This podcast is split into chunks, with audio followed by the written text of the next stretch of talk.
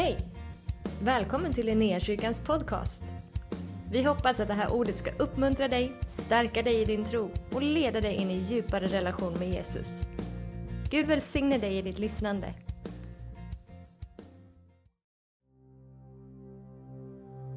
Man, eh, det enda man vill är ju nästan bara hänga, hänga med den där sången och oa, oa, oa, inte hela natten kanske till den här sången, men bara fortsätta att prisa Gud, eller?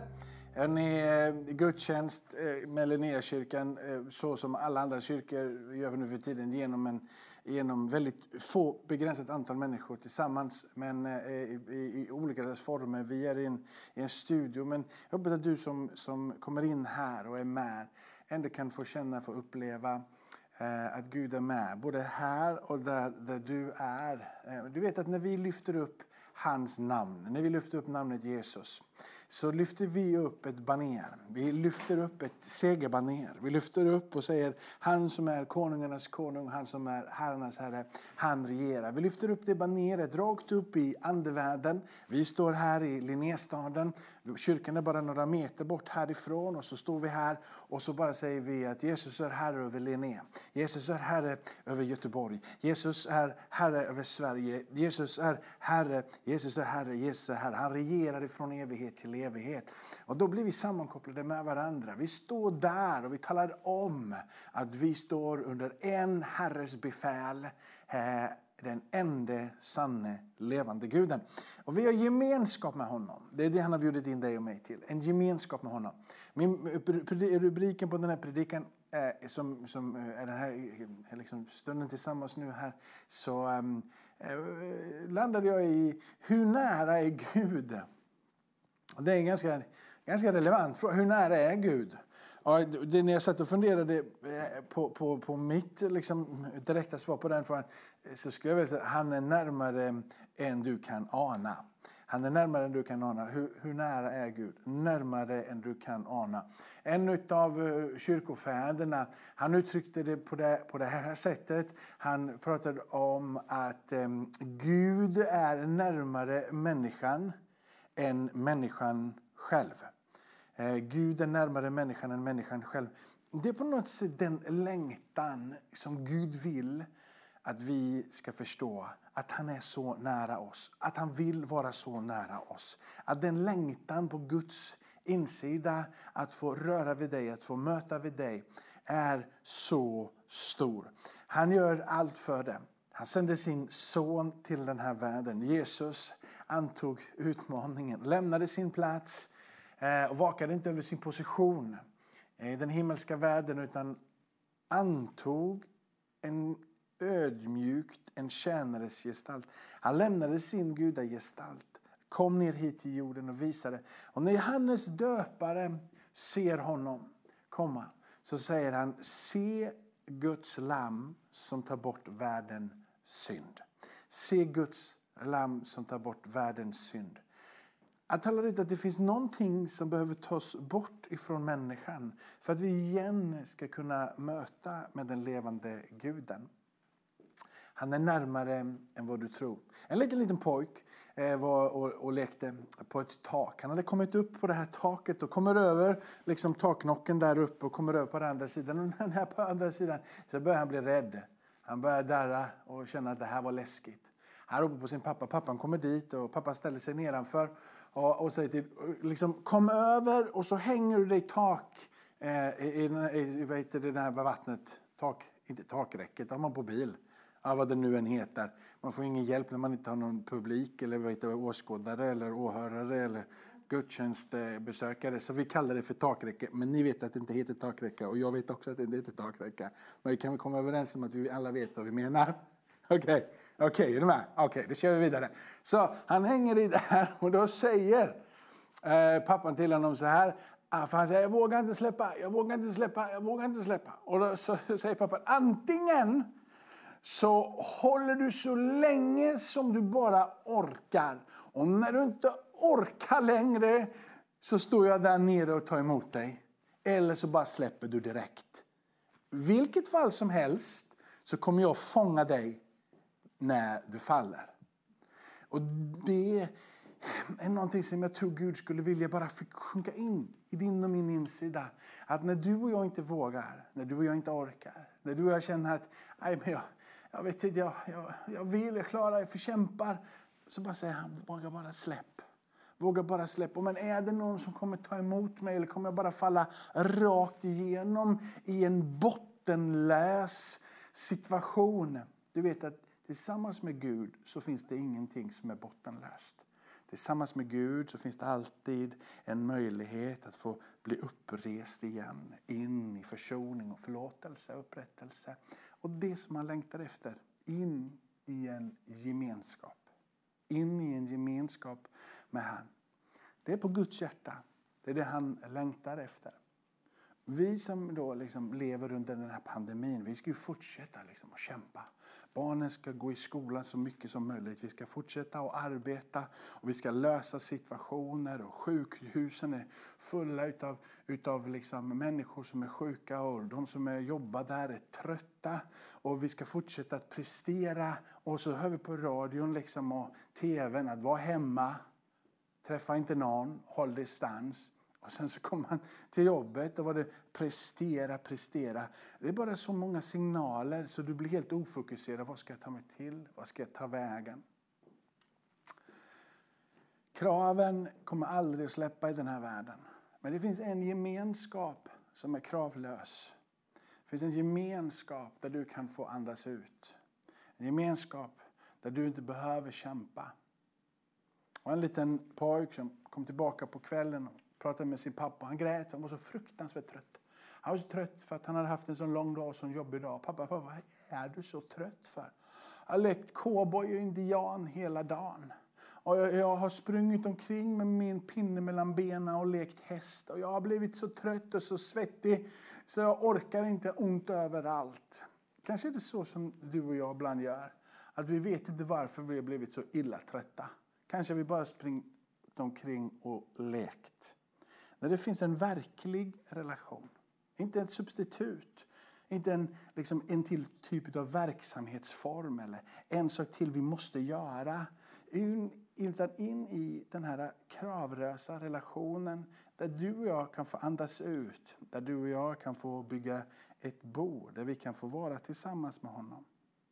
Från det här perspektivet som jag försökte måla här nu under några korta minuter så är det som jag skulle vilja läsa Johannes 17 och från vers 20 ner till vers 26.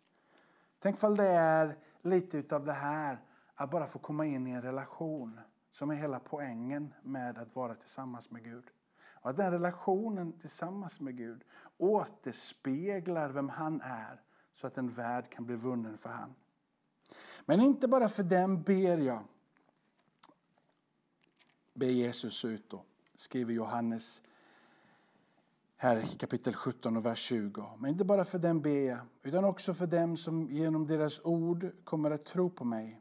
Jag ber att de ska vara ett och att så som du, Fader, är i mig och jag i dig, också de ska vara i oss, för att världen ska tro att du har sänt mig. Och den härlighet som du har gett mig har jag gett dem, för att de ska vara ett liksom vi är ett. Jag i dem och du i mig. För att de ska vara fullkomligt förenade till ett. Då ska världen förstå att du har sänt mig och har älskat mig så som du, eh, att du har älskat dem så som du har älskat mig. Fader, jag vill att där jag är, där ska också de som du har gett mig vara med mig. Så att de får se min härlighet som du har gett mig eftersom du har älskat mig innan världens grund var lagd rättfärdige Fader. Världen har inte lärt känna dig, men jag känner dig. Och det vet att du har sänt mig. Jag har gjort ditt namn känt för dem och jag ska göra det känt. För att, känt för att den värld, den kärlek som du har älskat mig med ska vara i dem och jag i dem. Jesus eh, talar ut ganska klart och tydligt, eller hur? Hans uppdrag att komma till jorden, tala om för den här världen att det finns en relation i Gud tillsammans med Gud. En relation där Fadern och Sonen är ett. Och Jesus säger den här relationen har du blivit inbjuden till. Han till och med ber ut det här. Han har förkunnat det, han har talat om det. Han har talat precis om den heliga Andes närvaro i våra liv. Hur den heliga Ande kan undervisa oss, hur han kan vara hjälparen. Hur han ska vara där mitt ibland oss. När Jesus blir döpt så eh, är det en röst från himmelen som talar. Guds ande kommer ner och Jesus är där. Det blir den här skaparen är där, den evige, fadern är där. Sonen är där, anden är där.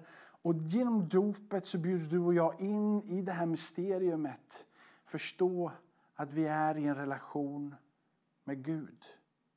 In i den relation som har existerat ifrån evighet och alltid kommer att finnas denna relation, Fader, Son, helig Ande, skapare, livgörare, frälsare. Här säger Jesus att så som du Fadern är i mig och jag i dem så vill jag att de ska vara i oss. Att vi ska vara ett.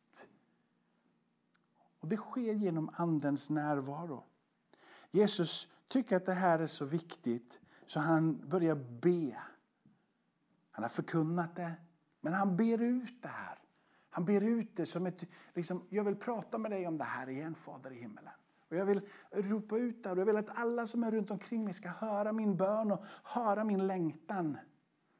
Och talas liksom specifikt i den här bönen om att så som du och jag är i vår relation vill jag att det folk som du har gett mig ska vara i relation med dig. Precis så som jag har min relation vill jag att de ska ha sin relation med oss.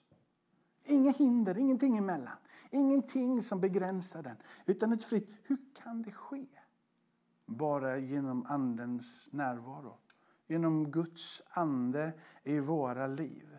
Genom försoningen genom Kristus och mottagandet utav Anden så gör det oss möjligt att få vara ett med honom. Det finns ingen prestation i det här. Det finns inte att du och jag behöver göra massor med saker. Det finns ingenting av att nu är det pandemi så nu kan jag inte göra något eller nu är det pandemi så jag måste fortsätta göra saker. Det finns ingenting av yttre påfrestningar i den här relationen. Hela relationen med den levande guden och få den här kraften över sitt liv. Bygg på initiativtagare ifrån han som är skaparen. Livgörarens närvaro i ditt liv genom frälsaren Jesus Kristus. När han är där så sker någonting. Det finns som en ej sinande källa. En som brunn som aldrig tar slut. Det finns som en, som liksom en, en, en, vattenkanal som aldrig någonsin sinar i kraft, i styrka, i flöde. I någonting ligger där. Och Jesus ber ut där, det här i kapitel 17. Och för mig så säger det att det här är viktigt. Det ligger på Guds hjärta. Det ligger på Jesu hjärta.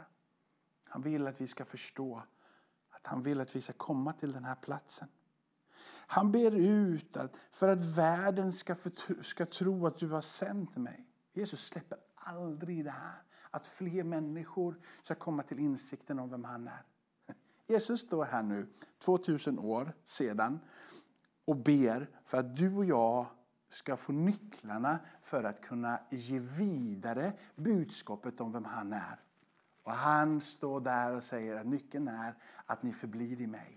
Nyckeln är att ni får öppnade ögon för min och Faderns relation och att ni är inbjudna in i den här relationen. Han ber inte Gud ge dem en strategi så att de kan nå hela världen.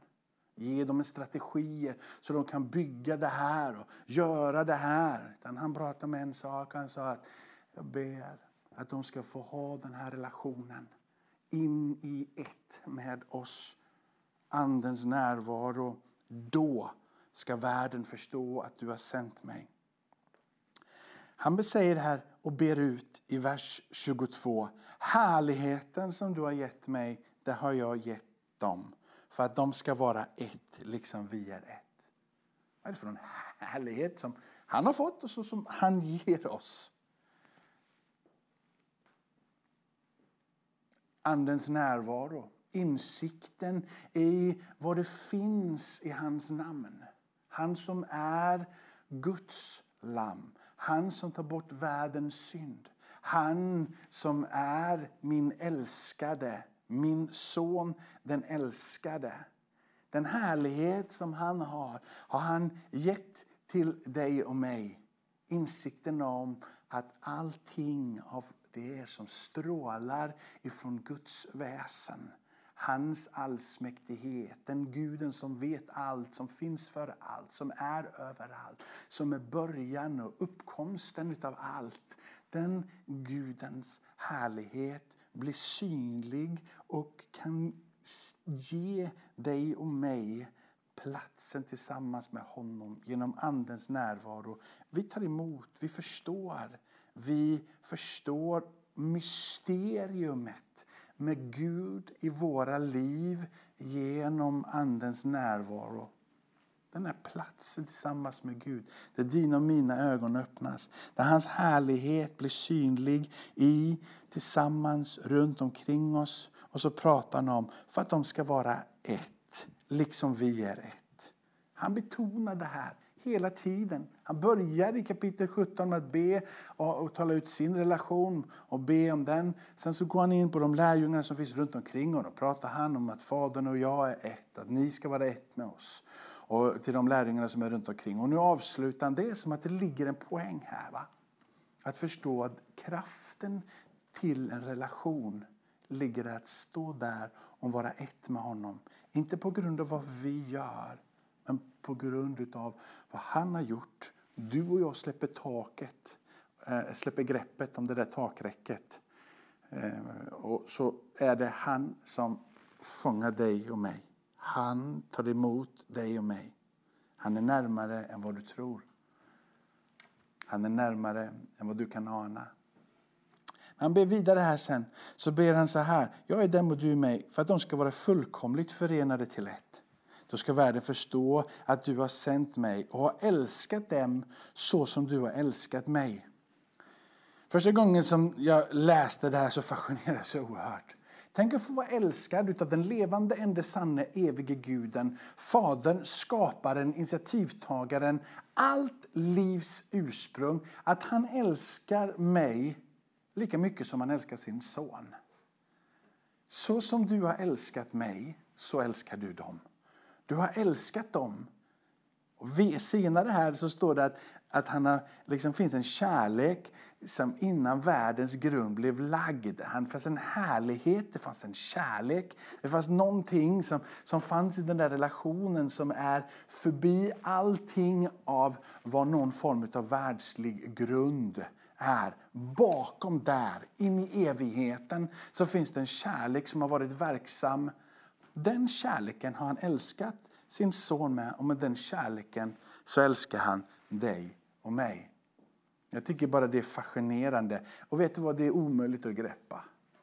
Hur ska du och jag kunna förstå det med våra begränsade sinnen? Men det finns någonting av en erfarenhet av Gud som inte bygger på att vi greppar och förstår allting. En erfarenhet av Gud som gör att vi i hans närvaro kapitulerar, stannar av och låter oss få någonstans bli öppnade ifrån himmelen över oss. Och där sker någonting. Fader, säger han, jag vill att där jag är, där ska också du, där ska också de som du har gett mig vara med mig. Där jag är, vi vet att han, han pratar ju här slutet. Han pratar om den här platsen som han stiger in i efter döden, uppståndelsen ifrån de döda, sin plats i himmelen. Där jag är, där ska de, vill jag att de också ska vara med mig. Men jag tror att han också menar den plats jag har.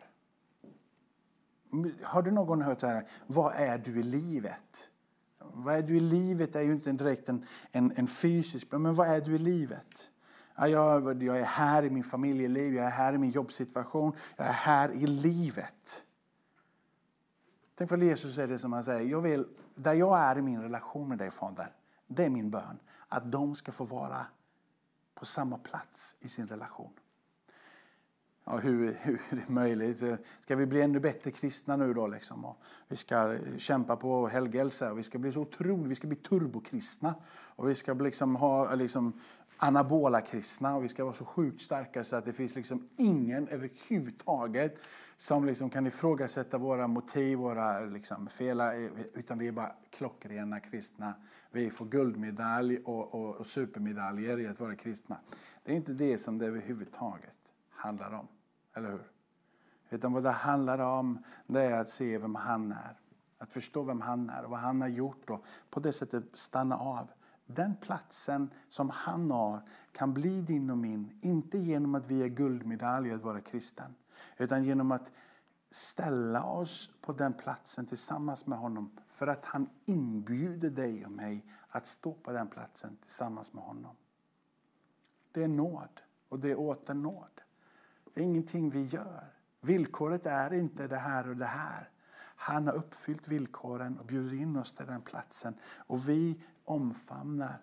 Tänk att Jesus står där och ber till Fadern att den plats som jag har i din närhet, jag vill att det gänget som du har gett mig, att alla de står där tillsammans. Att de kan få uppleva det jag upplever i vår relation, Fader. Att det jag känner i vår relation, Fader. Att det som kan, liksom insikterna som kommer ifrån att vara sammankomna, jag vill att de ska känna det, att de ska förstå det, att de ska få uppleva det. Samma plats som jag har, samma plats vill jag att de har in i den här djupa förståelsen. Och sen så bara låter han det här liksom på något sätt rulla vidare. Och så bara ger han ut det så att de ska få se min härlighet som du har gett. Det finns en position och en plats tillsammans med Gud som Gud har skapat för dig. Där du kan förstå vem Gud själv är. Du har inte gjort ett jota. Du har inte liksom skapat det. Han säger att jag ber för dem att den plats som jag har den vill jag att de ska ha så att de ska kunna se det som du har gett mig. Den härlighet som jag har haft och som du har liksom älskat mig innan världens grund blev lagd. Det är som om att han försöker tala om för, för dig och mig att om du finner mig, säger Jesus, så finner du skatten i livet. Du som är väl bevandrad i Bibeln vet vad jag pratar om. Att det finns en skatt det finns någonting tillsammans med Gud som helt enkelt bara gör att livet blir värt att leva igen. Du är redo att lämna sak efter sak för att det som du får för din blick är Jesus. Han blir viktigare och han blir viktigare. Den här, den här bönestunden avslutas med, mm, jag hoppar vidare lite framåt för för tidens skull så står det så här ifrån vers 26. Jag har gjort ditt namn känt för dem och jag ska göra det känt för att den kärlek som du har älskat mig ska vara i dem. Tänk att när Jesus avslutar sin bön här så poängterar han att den kärleken som jag har fått erfara, den kärleken som på något sätt är min motor. Du vet,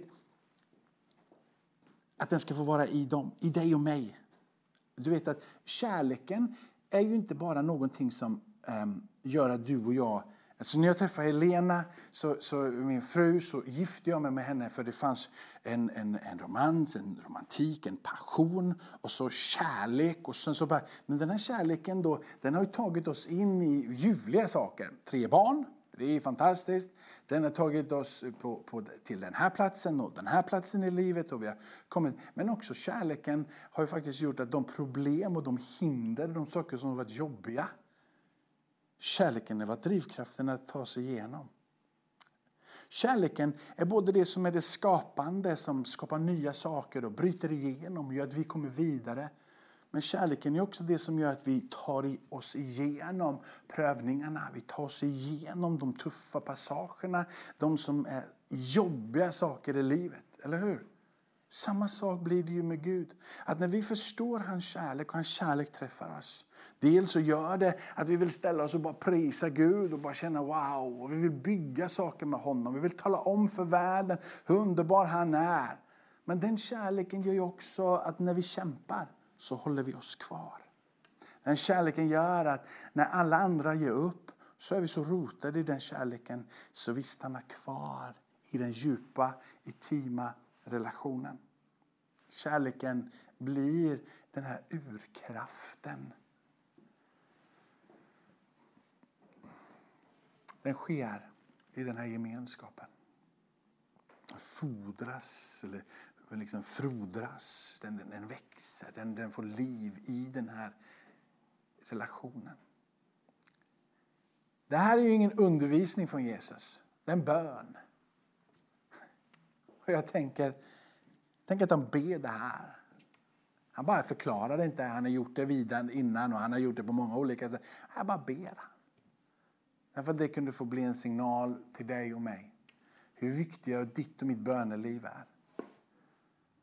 Kanske inte alltid hur vi ber, utan att vi ber. Kanske inte alltid om det är högt eller lågt, utan att vi just ber. Ibland så kanske för en del tystnaden är bra att sitta tyst och bara fundera över sina böner och inte ens behöva säga dem. Och kanske helt ibland bara vara tyst och få ta emot influenser från Gud själv. Och ibland så får du ropa i nöd och i ångest. Ibland så får du ropa högt och lågt. Du vet att jag tror Gud vill tala om för dig, det är rätt. Kom till mig, be till mig, var med mig. Om Jesus ber och det tar han närmare Gud. Hur nära är Gud? Kanske när ditt böneliv får ta en trevande start igen eller liksom accelerera upp lite grann, få kraft igen så kanske du också kommer komma till insikten om att hörru, Gud är ju faktiskt närmare människan än vad människan är själv. Gud, hur nära är du? Han är närmare än vad du kan ana. Ska vi be tillsammans? Tackar dig Fader i himmelen att vi får vi får tala ut ditt ord, att vi får läsa det här och genom en bön bli inspirerade att be och att komma i närheten av dig och genom den här bönen också insikten om hur mycket du älskar. Och att du Fader har älskat din son och att du älskar oss lika mycket. Att det är samma kärlek. Låt oss få ta emot det här, låt oss förstå det, låt oss bli, bli gripna av det, förvandlade av det. Låt det få väcka oss. Jesus, som du ber vill vi be.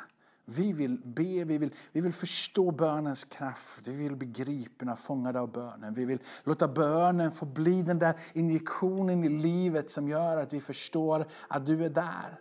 Vi vill tillsammans med Jesus, med alla lärjungarna som bad, Paulus och alla som, som, som vi ser om och läser om i Nya Testamentet. De ber, de ropar, de inbjuder till bön. Den tidiga kyrkan bad och vi vill fortsätta att be. Vi vill vara ett bedjande folk, ett profetiskt folk som kommer till insikt och klart omdöme vem du är. Där din uppenbarelsens ande finns över i oss. Så vi inbjuder dig, come on. Come on. Rör vid våra liv. Evige Fader. Ta emot Jesus som frälsare så är det enkelt. Det är bara att be Jesus kom in i mitt liv. Han älskar dig, han står inte emot dig utan han bjuder in dig. Så när Lovisa nu och Oskar och Kristoffer leder oss i en sång vidare här innan Elias kommer och leder oss i bön för Sverige så, så ber jag dig om du vill be till Jesus. Säg bara Jesus kom in i mitt liv. Bli min Herre, bli min Mästare så är du frälst. Du tillhör honom nu och in i evigheten. Lovisa, leder du oss vidare med en härlig sång.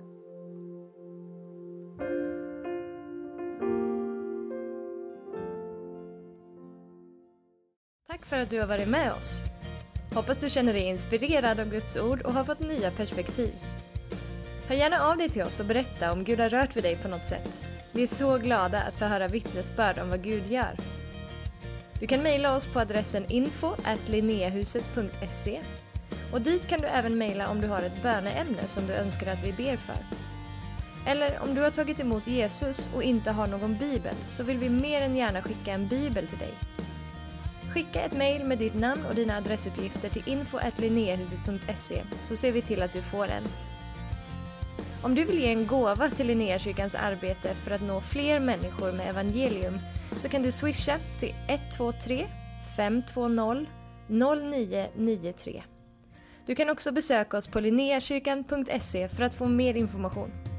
Välkommen tillbaka att lyssna snart igen